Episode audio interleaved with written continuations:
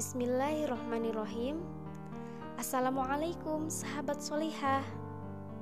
Insya Allah dalam kesempatan ini Aku ingin sharing nih sedikit ilmu tentang Ma'rifatun Nas Atau mengenal manusia. Alhamdulillah puji syukur kita terhadap Allah.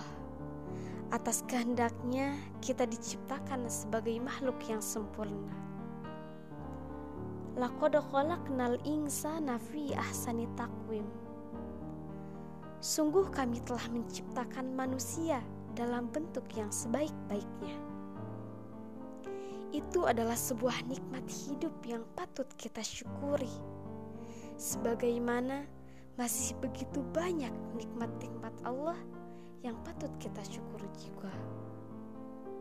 Sahabat solihah, dalam mengarungi kehidupan ini, sangat penting kita mengenal siapa diri kita.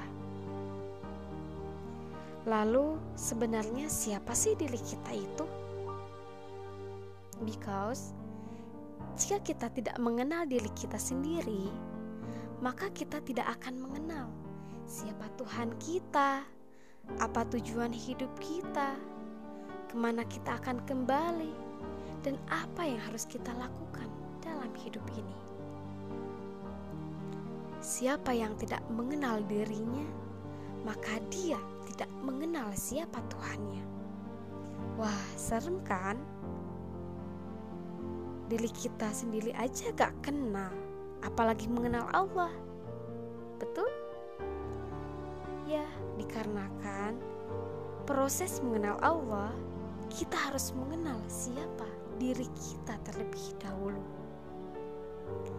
Dalam kalamnya Allah Subhanahu wa taala berfirman dalam Quran surat Al-Mu'minun ayat 12 sampai 15 A'udzu billahi minasyaitonir rajim Bismillahirrahmanirrahim Walaqad khalaqnal insana الإنسان من سلالة من طين ثم جعلناه نطفة في قرار مكين ثم خلقنا النطفة علقة فخلقنا العلقة فخلقنا العلقة مضغة فخلقنا المضغة فخلقنا المضغة عظاما فكسونا العظام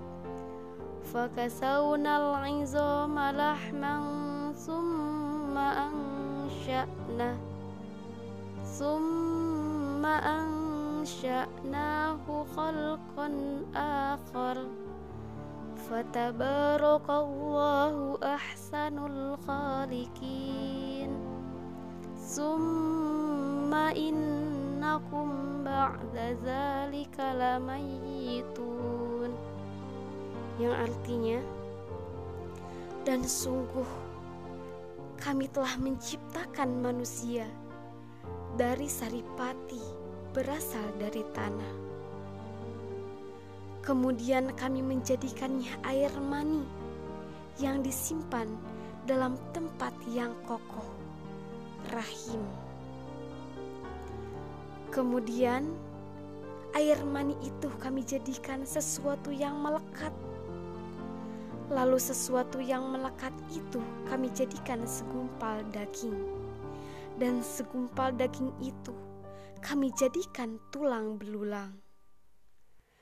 Lalu tulang belulang itu kami bungkus dengan daging.